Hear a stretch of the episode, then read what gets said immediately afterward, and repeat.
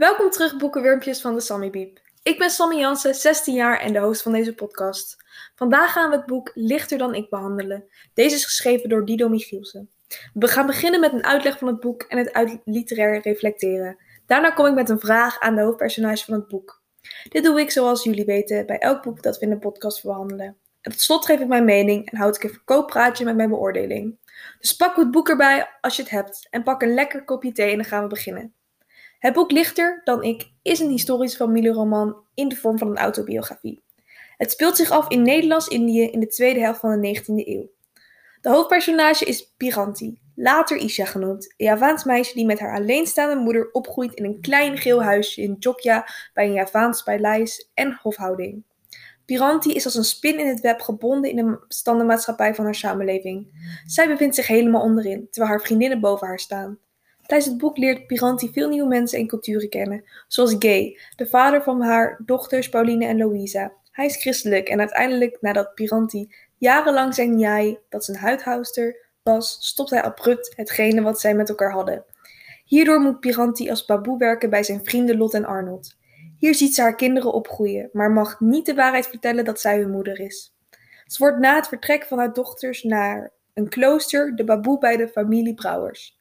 Ze begint daar een zoektocht naar Pauline en Louisa en haar vriend Kampret helpt haar daarbij. Ze vertrekt dan naar Batavia om daar te zoeken en leert Chanting en haar man Ferdinand kennen, die haar helpen bij de zoektocht en het verhaal op te schrijven en na haar dood te publiceren. Piranti wilde dat Chanting dit opschreef door een bezoekje van haar moeder, dat eigenlijk een soort boodschap was omdat haar moeder al dood is. Het boek eindigt tragisch, omdat Isha haar dochters nooit kon duidelijk maken dat zij hun moeder was omdat Piranti in haar leven geen vaderfiguur had, zocht zij dit bij Gay. Maar hij was natuurlijk geen goede man, omdat hij niet eerlijk was over zijn leven en plannen in het leven. Ik denk dat zij dit altijd wel zocht: een vaderfiguur die haar helpt en ondersteunt. Het boek is geschreven in de ik-persoon en is niet chronologisch, maar een flashback van Piranti's leven. Het thema van het boek is moeder-dochterrelatie. Het komt eerst voor in Piranti's jeugd met haar eigen moeder, wat een problematische relatie is, omdat Piranti haar moeder uiteindelijk ook verliet. En komt later in haar volwassen jaren terug als haar levensdoel is de relatie met haar eigen dochters te proberen redden. Verschillende motieven zijn geheimen, keuzes maken en maatschappelijke ongelijkheid. De geheimen zijn ten eerste dat Piranti de dochter is van de broer van de sultan, dat Piranti kinderen met Gay heeft, dat Pauline en Louisa de dochters zijn van hun baboe Piranti en dat Piranti en Arnold een seksuele relatie hadden. De keuzes die Piranti in het boek maken zijn heel belangrijk hoe haar leven loopt en haar gelukkigheid en schuldgevoel bij haar moeders dood. En overal waar ze komt is er maatschappelijke ongelijkheid op basis van haar rang in de Javaanse samenleving en haar huidskleur, accent en naam in de westers beïnvloede gebieden. Het wordt mooi en puur geschreven en het gebruik van Javaanse en Maleise termen binnen de zinnen maakt het erg speciaal voor mij. Ik zelf heb vaak de titels in het Maleis en Javaans proberen uit te spreken, maar dit ging eerlijk gezegd niet zo goed.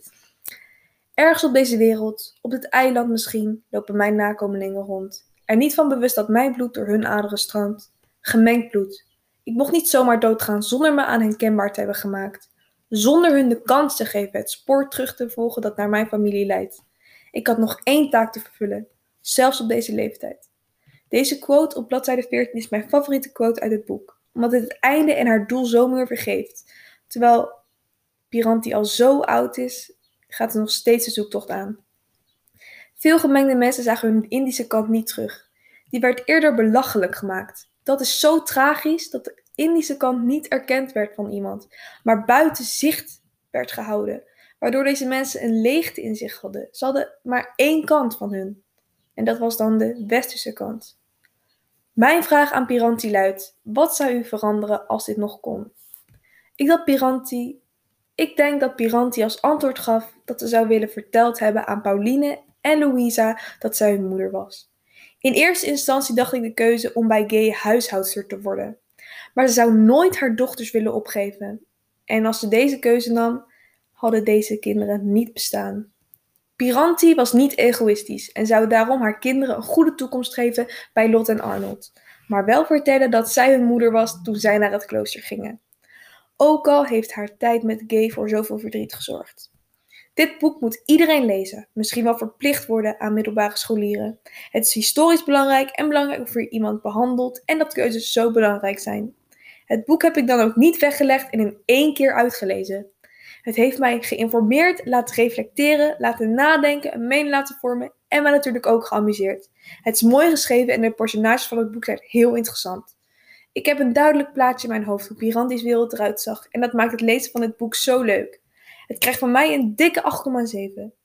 Dit was het dan weer met de aflevering van Pareltjes van de Week, waarin ik boeken bespreek die een indruk op mij hebben gemaakt.